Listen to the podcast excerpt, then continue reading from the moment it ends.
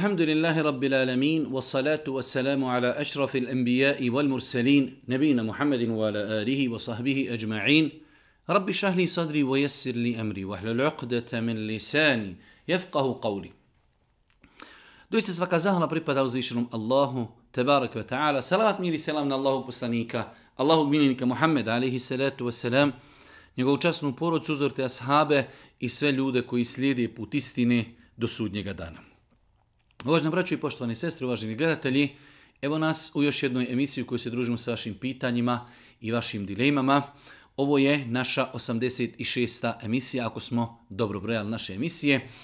Mi unaprijed tražimo po ko koji put halala od svih vas koji ste poslali svoje e-mailove, a nismo uspjeli da vam odgovorimo. Doista je stotine, a vjerujte i hiljede e-mailova koji stižu na našu adresu, koje nekada ne možemo stići ni otvoriti. E, trudimo se u granicama e, naše mogućnosti da odgovorimo na što više pitanja, dva termina sedmično, e, koliko u jednom terminu uspijemo odgovoriti 30-40 manje ili više pitanja. Večerašnje prvo pitanje, muž i ja živimo u Sarajevu, on je rodom iz Travnika i dođemo kod njegovih preko vikenda, prenoćimo. Zanima me, da li se smatramo Safiri, možemo li spajati namaze jer dolazimo u njegov rodni kraj, ali ne živimo tu. Eh, više puta smo pojašnjavali pravilo da čovjek kada eh, se vraća svojim roditeljima, ako on kod tih roditelja nema zasebnu svoju kuću, zaseban dio kući u kojem on živi, onda se on tu može smatrati musafir. I Sarajeva do Travnika ima 80 km manje ili više, tako da smatram da osoba koja živi u Sarajevu odlazi da posjeti svoje roditelje a nema svoju kuću u travniku, već ide da posjeti, izjariti svoje roditelje, da u tom periodu se može smatrati musafir. Ako klanja u džematu, svakako da će klanjati sa džematom potpun namaz, a ako klanja znači, kod kući, onda ima pravo da skrati namaze. Ako ima neku dodatnu potrebu, onda može iskratiti i spojiti namaze. Da li osoba koja konzumira alkohol pa se pokaje, može sutradan uzeti Kur'an da uči? Nema nikakve smetnji da osoba koja je danas konzumirala alkohol nakon pokajanja odma uzme e, Kur'an čak i da se ne pokaji.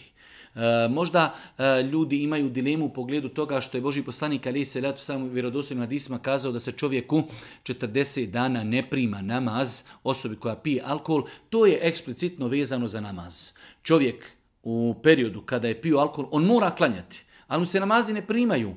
Ali to nima nikakve veze sa našim drugim ibadetima. Čovjek koji je konzumirao alkohol i pokaji se od toga, može zikriti, može davati sadaku, može učiti Kur'an, može doviti, može, može, može. Tako da e, svi ti ibadeti, inša njegovi su ispravni. Javljam se iz jednog razloga da vas pitam, imam malo dijete i kupila sam joj u apoteci medicinski lančić za zube. Da li me to izvodi iz vjeri? Kako krupne krupne, krupna pitanja imamo. E, neko je kupio djetetu medicinski lančić za zube, da li to izvodi iz Zašto bi medicinski e, lančić djeci za zube čovjeka izvodio iz vjeri? E, ne mislim da se to može uopšte porediti sa Hamajlijom. Ali čovjek i, ne daj Bože, i Hamajlija ako bi je objesio na sebe, e, inšala i to ne izvodi iz osim u jednoj, što bi rekao, specifičnoj situaciji, ali ako je čovjek kupio nešto medicinski djeci, znači uopšte ne vezuje to za ibadet, ne vezuje da to dijete čuva, jednostavno iz medicinskih razloga je to kupio, zašto bi to uopšte bilo sporno, nema smetnje da čovjek svojoj dječici prilikom nicanja zuba kupi neke medicinske lančiće, e, da li je to e, da će to djeca, ne znam nija šta sve oko toga mogu raditi, ali ako se to ne vezuje za vjeru, ako se to ne vezuje da to čuva čovjeka, već je to stvar medicinska. Ako je to medicinska stvar, onda ako Bog da to nije sporno.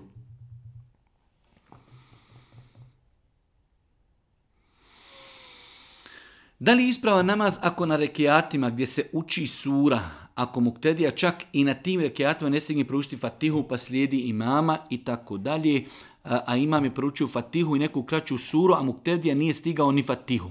Znači, pita čovjek u namazima kada čovjek klanja za efendijom, za imamom, e, na prva dva rekiata uči se Fatiha i sura.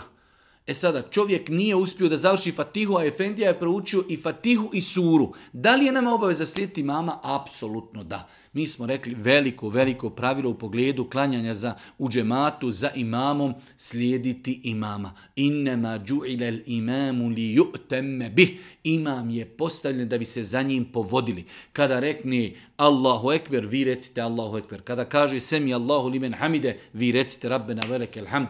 Tako da, E, čovjek, bez obzira što nije završio e, učenje Fatihe, treba da slijedi i nama.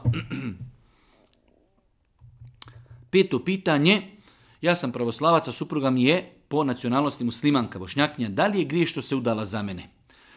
Čula je da je zgriješila i da je griješna zato što se udala za mene, pravoslavca, a mnogo se volimo. Da li je griješna muslimanka koja se udala za Mm, nemuslimana, pravoslavca, apsolutno da. Apsolutno da. Ne postoji opcija u islamu kada je muslimanci dozvan da se uda za nemuslimana. Znači, eh, udaja za nemuslimana je strogo zabranjena. Ta žena i dalje je eh, muslimanka, ali to što čini jedan ogroman, ogroman veliki grijeh, znači njen intimni kontakt je blud. Njen intimni kontakt je blud. Kaže ovdje eh, šta je rješenje za nas. Rješenje je ili razvod braka ili da taj njen čovjek prihvati islam. Nema trećeg rješenja. Znači rješenje je ili da se razvedu ili da taj njen muž primi islam pa da onda žive kao dva muslimana. Pošto zima stiže i trebam jednu dobru zimsku jaknu, moje pitanje da li je dozvoljeno nositi markom Brlom, jer ima logo u obliku švicarske zastave, znači križ u prilogu je slika pa da vidite o čemu, o čemu je riječ. E, rekli smo više puta, bez obzira što to neko kaže zastava, neko kaže ovo, neko kaže ono, e, ako E, na odjeći imamo znak koji jasno oslikava da je to križ, da li će to biti crveno, da li će to biti plavo, da li će to biti kao neka zastava, da li će to biti e, neki logo ili tako dalje, ali ono što je jasno u obliku krsta ili križa ne treba da bude na odjeći koju nosi musliman. E sada, ako je doista čovjek stalo do te jakne, onda Boga mi ako kupi sebi takvu tu jaknu, mjesta na kojima ima taj amblem i mjesto gdje se vidi križ, ili će to odlijepiti, ili skloniti, ili prošiti, ili zašarati, u svakom slučaju to će ukloniti i mirna Bosna. S obzirom na, kuransk, e, s obzirom na kuranskog ajeta u suri El Beqara, tako piše, 20, 239. gdje Allah kaže ako se budete nečega bojali, onda klanjajte hodajući i jahajući. Pitanje, da li se moglo kazati zbog gore navedenog ajeta da ako čovjek se boji na poslu ili bilo gdje da klanja hodajući ili jahajući, odnosno sa išaretom. Imamo znači kuranski ajd Allah Đeršanu kaže fe in hiftum fe riđalen rukbana fe idha emintum fe kema allemekum maram tekunu talemun. Ovaj ajet se odnosi, kao što kažu mu Fesiri, na borbu, na džihad. Znači, na namaz u strahu, ne odnosi se na normalne, da kažemo normalne uvjete, kad imamo ratne uvjete, imamo normalne situacije. E, ne, nije ispravno ovaj ajet tumačiti da čovjek na poslu klanja i šaretom, hodajući i tako dalje, već ovaj ajet odnosi na vanrednu situaciju borbe i džihada ako bi se desilo po mišljenju određenih dijela učenjaka, ako borba traje, čovjek se boji da će proći namasko vrijeme, tada će klanjati znači i u borbi i, i, i idući, jahajući i tako dalje, ali neće dozvoliti da namasko vrijeme prođi, tako da ovaj ajet se znači ne može i ne odnosi se na e, normalne uvjete u kojima živi čovjek, već se odnosi na stanje rata i borbi. Do kada i najkasnije, do kada najkasnije može se klanja jacija namaz? Hvala na odgovoru. Ispravno je mišljenje da se jacija namaz može klanjati u normalnim uvjetima do polovini noći. Ne do 12 sati, već do polovini noći. Polovina noći se određuje znači od nastupanja akšama do pojave zori. Između ta dva vremena nađimo, podijelimo sa dva i to je sredina. Do tog perioda može se odgoditi jacija, namaz u normalnim uvjetima. Ako bi bilo nešto vandredno, kao situacija e, letovi, neka gužva, e, bolest ili nešto slično. To mi u nekim vanrednim situacijama, pošto nakon jacije nema drugog namaskog vremena sve do sabaha, islamski učenjaci su kazali da se jacijsko vrijeme proteže do sabaha za osobe koje imaju nuždu, koje imaju potrebu, koje su u nekoj vanrednoj teškoj situaciji, mimo toga jaciju treba klanjati maksimalno do polovine noći. je li dozvoljeno da se zikri i da se gleda TV?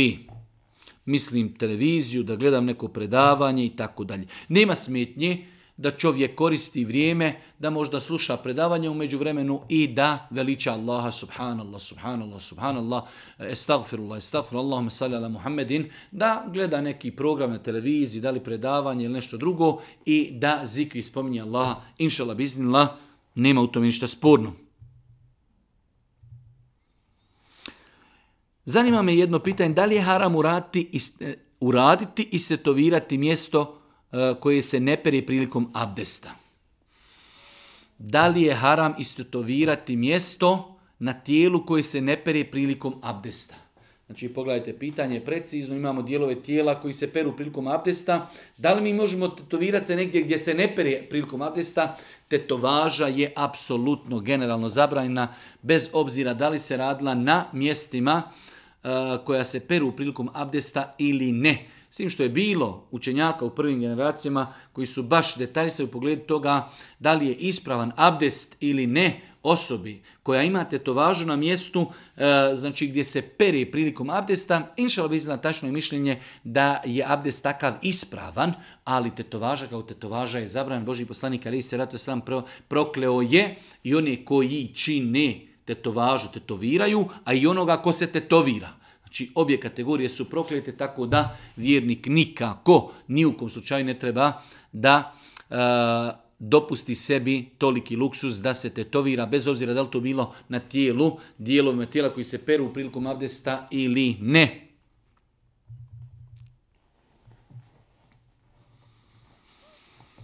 Jedno duže pitanje, to je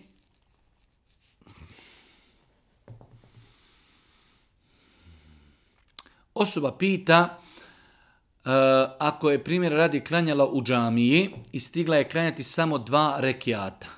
Stigla je klanjati samo dva, odnosno e, osoba je prije na isticanja namaskog vremena, evo da kažemo, e, u, u, u dva sata nastupa i kindija. I osoba je prije tri minute počela klanjati i uspjela je samo klanjati dva rekiata i kao nastuplo je namasko vrijeme, hoće li tada preselamiti ili će nastaviti klanjati ostali rekiate? Apsolutno da. Boži poslanik jeste rekao ko stigne klanjati jedan rekiat i kindije prije zalaska sunca, stigio je klanjati i kindiju ali normalno da neće predati selam nakon prvog rekiata, već će nastaviti klanjati ostala tri rekiata, on ih je klanjao u akšamskom vremenu, ali je započeo namaz koji je jedna cjelina u ikindijskom vremenu. Pa tako da osoba koja klanja dva rekiata prije zalaska sunca, neće predati selam, znači prije zalaska sunca, već će nastaviti klanjati i ostala dva rekiata kako bi namaz u paketu i znači izgledao potpuno četiri rekiata.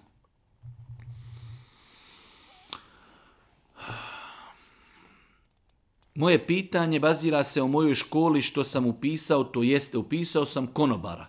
Pa da li možete da mi kažete da li je to grijeh, a inače kada ne idem u školu obavljam sve namaze. E, da li je dozvoljeno da čovjek ide u školu da, da, da se obrazuje da bude konobar? Nema smetnje da čovjek završi školu u kojoj će se podučiti konobarisanju. S tim što treba da zna sutra kada bude tražio posao, da traži posao gdje će konobarisati ono što je dozvano, gdje nema alkohola, gdje nema svinjetine, E, znači, ali konobarisanje kao konobarisanje e, je ispravan i dozvoljen smjer. Možda će čovjek malo imati poteškoće u nalasku posla, ali hvala Allahu Đelšanu svakim danom sve više slastičarni ili čak i restorana i hotela koji nemaju hotel, e, koji nemaju alkohola, koji nemaju svinjetine, tako da nema smetnje inša studirati takvu stvar, ali čovjek treba da zna kada završi takav smjer da kada bude tražio posao, treba tražiti posao gdje neće biti kontakta s alkoholom niti sa svinjetinom.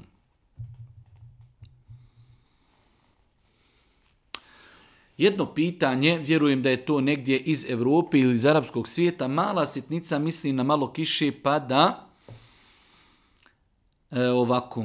U džami gdje obavljam namaze Fendija za svaku sitnicu spaja namaze, podne i kindiju, akšam i jaciju. Mala sitnica malo kiše pada ili neka pahuljica snijega i tako dalje. Da li je to ispravno? Apsolutno ne. E, živio sam ja u Jordanu e, i tamo ljudi e, u nekim mjestima veoma, veoma lako spajaju namaze, što je hajde da kažemo, odlazak u jednu drugu krajnost. Imamo situaciju kada ljudi nikada u životu ne spajaju namaze, imamo krajnost kada spajaju zbog sitnica. A tačno je da se namaz može spajati u nekim velikim vanrednim situacijama. Pa kada bi e, vidjeli, na primjer, e, došli smo na Akšam, ali vidimo žestok je vjetar, kiša pada, jak je snijeg, pretpostavljamo da nećemo moći doći na jaciju, u takvoj situaciji nema smetnje da se spoji odmah jacija s Akšamom. Ili eventualno ista je situacija kada u pitanju podne i kindija. Ako bi došli na podne i vidimo grmljavina, grmi, sjeva, pada, puše, vjetar, žestok, ako smo već u džamiji došli, možemo ako Bog da spojiti i kindiju, ali su to iznimne situacije, pa znači imamo kategoriju ljudi koji nikada ne spajaju, grmilo, padalo, puhalo, nikada se ne spaja. Imamo situaciju pretjerivanja bilo kakva kišica, bilo kakav vjetrić, odmah se nama spaja, pa je neispravno. U takvim situacijama, ako smo u džami gdje ljudi spajaju zbog sitnici, nećemo, klanjat ćemo sa njima onaj prvi namaz, primjer radi podni, on neka klanjaju Kindiju. mi ćemo ikindiju ili klanjati u džematu ponovo ili kod kući. Tako isto i sa jacijom. Znači, ako postoji validan razlog, klanjat ćemo sa njima. Ako ne postoji, nećemo klanjati u džematu. Negdje sam čuo da je uživanje opuštanju uz muziku širk. Da li je to istina? Apsolutno ne. Slušanje muzike je haram, ali da kažemo da je to do tog levela došlo i stepena čovjek koji sluša muziku da je učinio širk, nikada nisam čuo nekoga od učinjaka da je to kazao. To su problemi savremenog doba, čitamo o islamu po različitim Facebook profilima, po stranicama, čuo, vidio, kada uzimamo znanje, čitamo vjeru, moramo znati od koga uzimamo znanje o vjeri.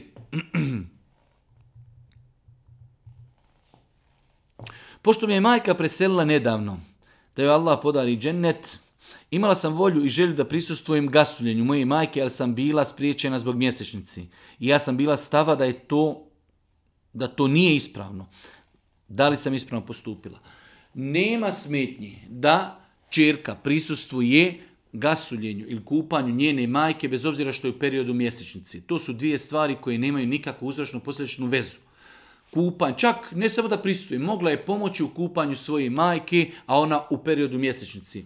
Žena u periodu mjesečnice je fizički čista, ona ne može klanjati, može ući u džamiju ako ima potreba, može ući u gusulhanu da pomogne prilikom kupanja svoje majke, tako da e, niti ima šta sporno u doticanju majke, niti ima sporno u prisustvanju, niti ima šta sporno u ulasku u gusulhanu, Tako da nema smetnje da žena koja je u mjesečnici prisustvuje kupanju svoje majke, svoje sestre, svoje čirke i tako dalje, nema nikakve šerijetske zapreke.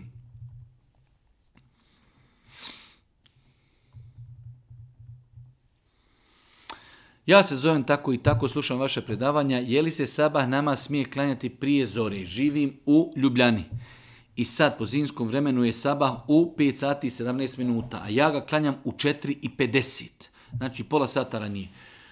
Moram jer u 6 sati mi počinje radno vrijeme na poslu. Nemam mogućnost da klanjam i tako dalje na poslu. E, rekli smo već nekoliko puta da je neispravno klanjati namaz prije namaskog vremena po konsenzusu islamskih učenjaka.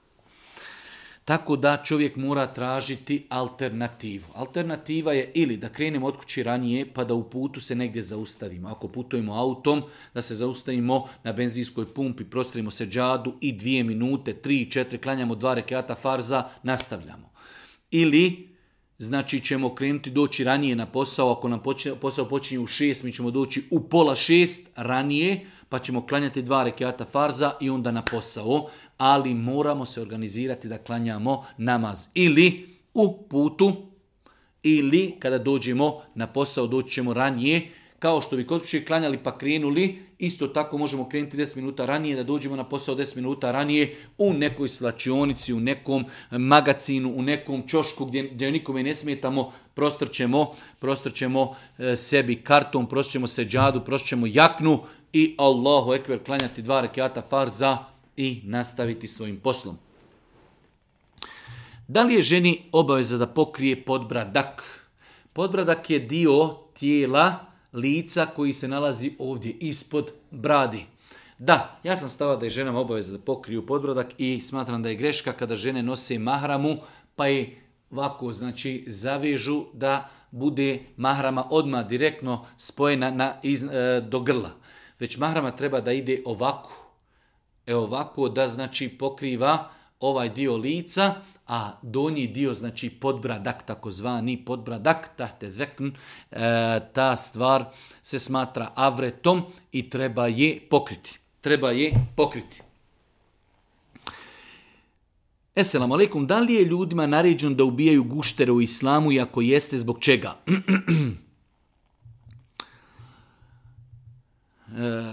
U arapskom jeziku postoji mnogo, odnosno da, ovako ćemo kazati, postoji dosta različitih vrsta guštera, jedna vrsta samo, el-wazag, el-wazag, e, prevedeno na bosanski geko, geko, el-wazag, geko, je vrsta guštera koji Boži poslanik Ali se sam preporučio da se ubija.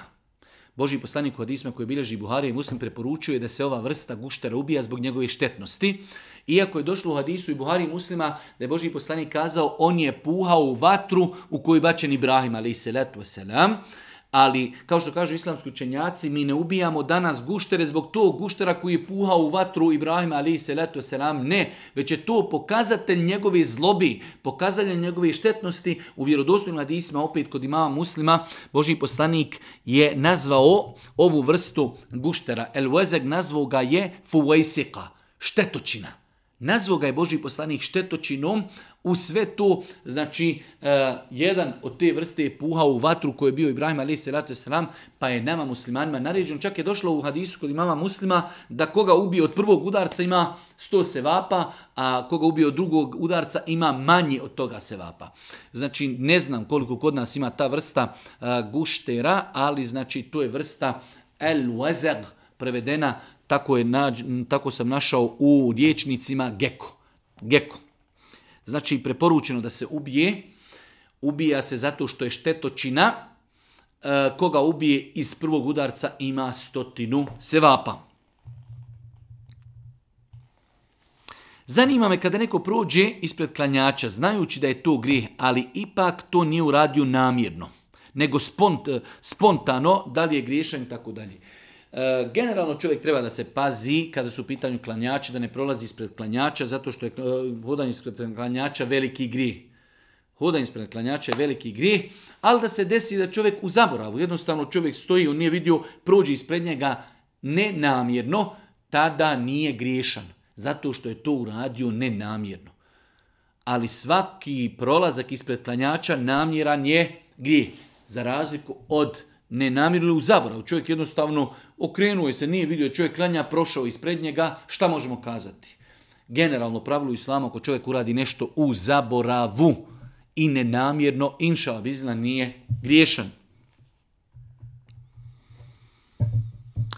Da li je dozvoljeno muškarcima da nose sat, čiji materijal liči na zlato, ali nije zlato?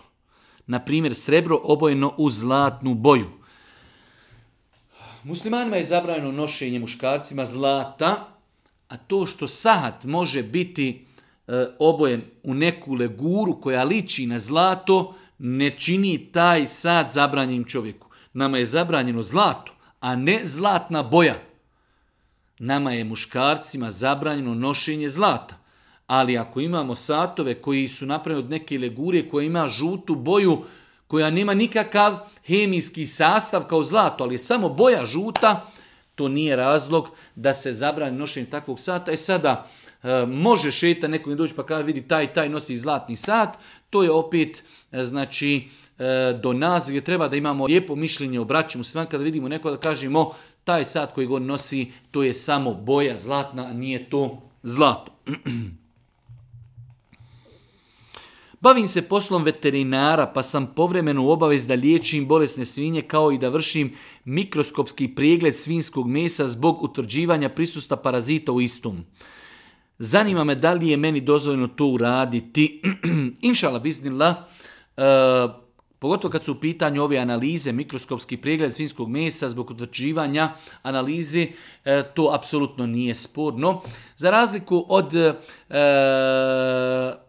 kao što je ovdje došlo, liječenje svinja. Generalno, liječiti bilo koju životinju je plemenit cilj. Liječiti bilo koju životinju, jestiva, nejestiva je plemenit cilj. Čak čovjek, znači, e, plemen, e, plemenit je cilj kada bi vidio povrijeđenog medvjeda, vuka, lisicu, da mu čovjek pomogni, to je plemenit cilj. To je plemenito djelo.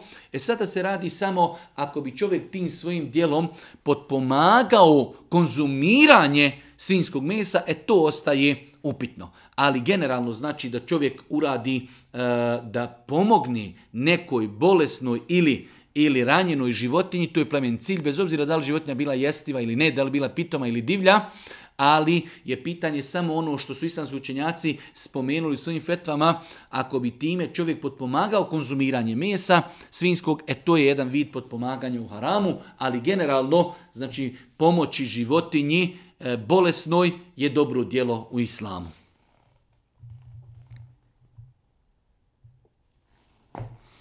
Da li je grijeh rati u prodanciju koji se prodaje alkohol, ali ga ne konzumirati? Mi smo nekoliko puta govorili o sličnim pitanjima. Ako u jednoj prodavnici imamo stotine artikala, jedan od, ili dva artikla u svemu tome su zabranjena, čovjek vjernik ako može naći sebi drugi posao, bolje je, ili ako može da izbjegne kontakt, da čovjek bude na odjelu voća, da bude na odjelu higijenskih sredstava, da on to uljepšava, radi, reda, sve to bolje. Ali ako u datom momentu čovjek mora biti na kasi i tako dalje, ako nema mogućnost da nađe drugi posao, ako bi ostao privremeno na tom poslu dok nađe sebi drugi posao, duboko se nadamo da nije griješan iz razloga što je apsolutna većina tih artikala ispravna. Svakako ako ima mogućnost da odmah napusti posao je bolji, ali ako bi rekli da ostane tu privremeno, da nađe sebi drugi posao, inšala nadamo se da nije griješan. Ili ako su u pitanju supermarketi, da bude zaposlen na dijelu Znači, jednostavno znate veliki supermarketi, pa imate dio odjeća, dio higijena, dio voće, dio povrće, dio ovo, dio ono. Ako je mogao da radi na nekom drugom sektoru gdje nema alkohola ili gdje nema svinjetine i to bi inšala trebalo da bude ispravno.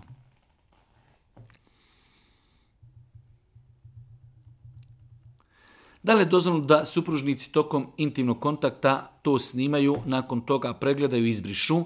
Mi smo više puta govorili e, da su islamski kazali bez obzira što e, supružnici to možda misle odmah izbrisati, E, da je bolje da to ne radi iz razloga što se uvijek može desiti greška, može to čovjek greškom nekome poslati, može se to greškom ostati e, na nekoj kartici, može to greškom ostati e, da čovjek jednostavno u datom momentu požuri, nekoga nazove požuri da nešto uradi, da to ostane snimljeno, pa da to vide možda djeca, da neko pošalje, da to neko zlopotrebi, tako da Allah najbolje zna, najbolje je to ne raditi nikako pa makar čovjek imao namjeru da to odmah nakon e, pregleda uništi.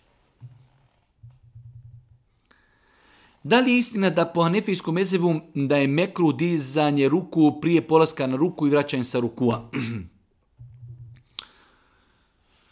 E, nije mi poznato u mom skromnom poznavanju hanefijskog mezeba da su smatrali da je mekruh dizati ruke u namazu mimo početnog tekbira. Jesu rekli da nije sunnet. Da. Znači imamo razilaženje među učinjacima da li je sunnet dizati ruke, pa su e, određeni učinjaci kazali da je sunnet. Imam Buharija o tome napisao zasebno djelo, tako da nema nikakve sumnje da je to sunnet. Ali, znači Hanefijski mjesec je stava da to nije sunnet, ali da je mekruh pokuđeno dizati ruke u namazu, u mom skromnom znanju Hanefijskom mezebu ne znam da je to pokuđeno. Ako bi i neko ustvrdio da je pokuđeno, e, takav stav se jasno jasno je u koliziji sa vjerodostojnim hadisima Božih poslanika ali se letu selam tako da nema nikakvu svoju težinu takav stav. E, možemo prihvatiti, tolerisati, da neko kaže e, imaju hadisi u kojima stoji da je poslanik nije dizao ruke, mi ne dižemo ruke, tako da to se može tolerisati razilaženje, da li dizati ruke ili ne, to se može Ali kazati da je to pokuđeno, to se, ne da kažemo nećemo tolerisati, ali nema utemeljenja. Nema utemeljenja, možemo kazati nije sunnet dizati ruke, to se može prihvatiti, iako smo uveđenja da je to sunnet, ali kazati da je pokuđeno, to nema nikakvo utemeljenje. Da li se umra može obaviti ako imaš kredit na banci? U svakom slučaju, e, savjet moj je da ljudi ako imaju već neke kredite, bolje da vraćaju kredite nego da obavljaju neke ibadete koji su im e, dobrovoljni. Ali ako bi rekli da čovjek ima neki dug, ima neku ratu i on nju ispunjava, a u međuvremenu želi da ode na umru, da li njegova umra ispravna? Apsolutno da. Znači čovjek po dugo može otići na hađ, čovjek može po dugom otići na umru, ali ne treba davati prednost hađu ili umri, a ima e, obaveza prema drugim ljudima. Zato su islamski učenjaci govorili, ako čovjek ima dug prema nekome, hoće da ide na hađ, onda ili će taj novac njemu vratiti, ili će tražiti od njega dozvolu da mu kaže želim da idem na hađ, tebi sam dužan, hoćeš li mi prolongirati taj moj dug, dok ja se vratim s hađa pa ću ti nastaviti vraćati i tako dalje. Tako da Eh, ali generalno da osoba odi na hađ ili na umru, a ima dug, njegov hađ i umra su ispravni. Ali je prioritetnije da se ne umara nečim što mu još nije obaveza prije nego što izmiri svoje dugove.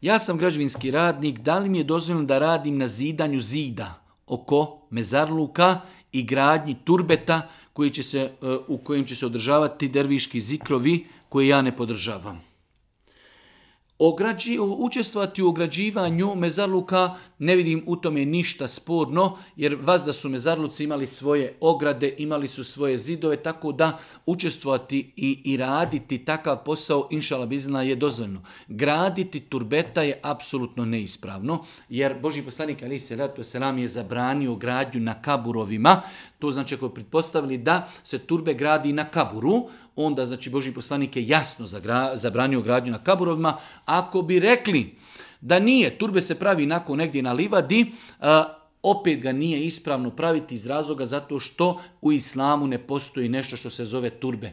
Jedno jedino mjesto u islamu za ibadet postoji zove se mesđid. Ne postoji nikakva tekija, ne postoji nikakva turbeta, tako da je neispravno učestvovati u gradnji, u gradnji takvih objekata.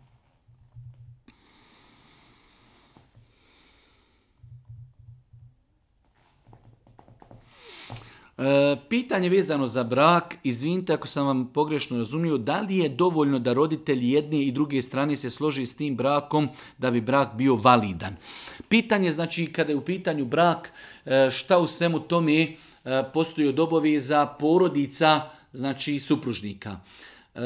Kada je u pitanju porodica mladoženje, oni nemaju upliv u sastavni dio validnosti braka.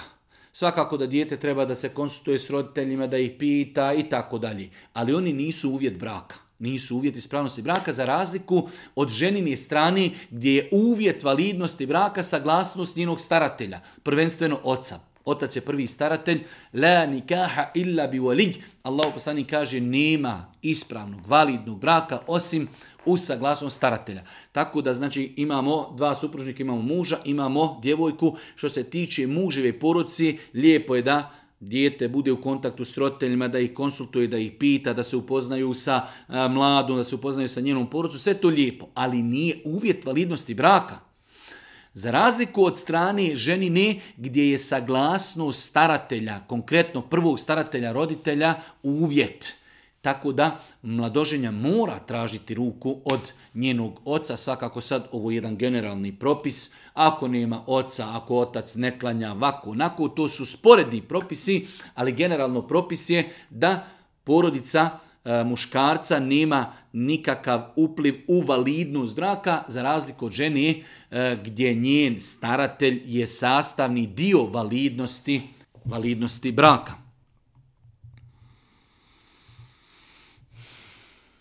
Zanima me kada se kolju pilići u lijevak za piliće, glava bude dole, a noge gore. I tako se zakolji sa bismilom. Znači da je to strmoglavljeno. Ili, mhm. ili strmoglavljeno podrazumije samo nešto što je palo i tako dalje. Imamo mi u Kur'anu gdje Allah Đeršanu zabranjuje određene vrste životinja, pa između ostalo kaže E, da su zabranjene životinje koje su se strmoglavile, koje su pale sa neke visine i od toga umrle.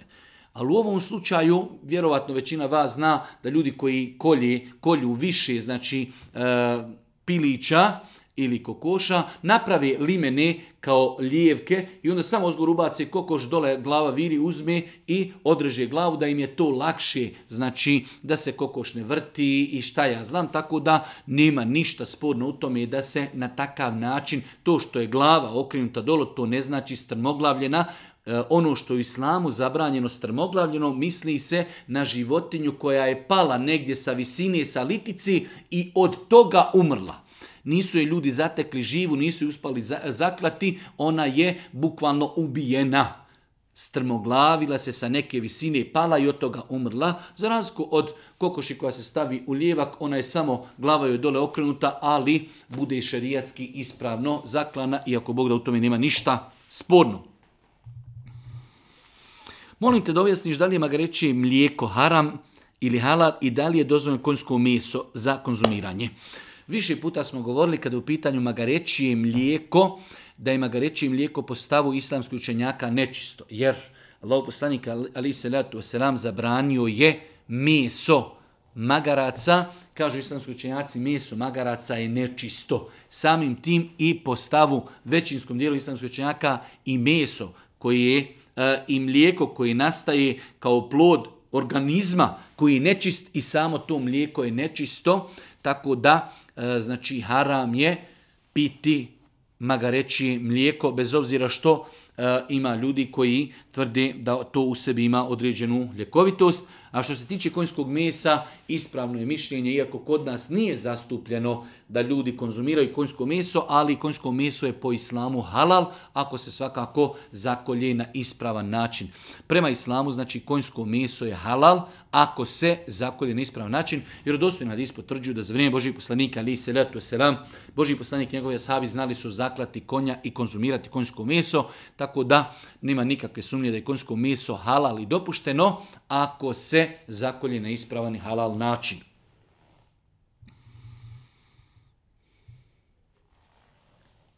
Kako postupiti kada klanjam kod kuće i čujem više različitih ezana? Da li treba sačekati da svaki ezan završi? E, zna se desiti, primjer radi u većim gradovima, evo u Sarajevu, e, žene nekada žele da počnu klanjati pa začuju više ezana. Moraju li čekati da završe svi ti ezani? Apsolutno ne.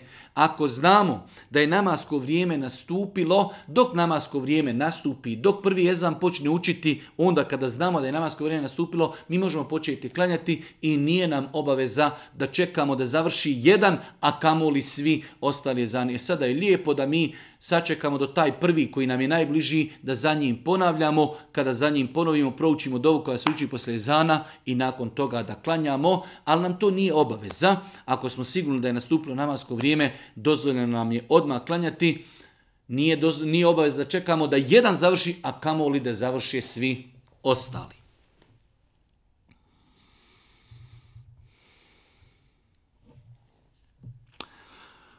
Eh, planiram sa suprugom inšala ove godine na umru. Pošto često imam priliku na televiziji da vidim zbog gužve kod mezara Božijeg poslanika i kod Keabe muškarci i žene se miješaju. Obzirom na kontakt muškaraca i žene je zabranjen, zanima me kakva pravila vrijede prilikom obavljanja hađa i umri. Eh, generalno jeste dodirivanje muškaraca i žena i miješanje je zabranjeno. Eh, harem i Mekke i Medine su jedan vid, jedan vid E, da kažemo izuzetka, ali i taj izuzetak treba svoditi na minimum. Pa ćemo vidjeti da hvala uzvišenom Allahu u pogledu Medine, znači žene imaju posebna vrata u džamijama i ne mogu se nikako miješati sa muškarcima i prilikom odlaska u revdu one ulazi na posebna vrata da tako da se nikako ne miješaju sa muškarcima.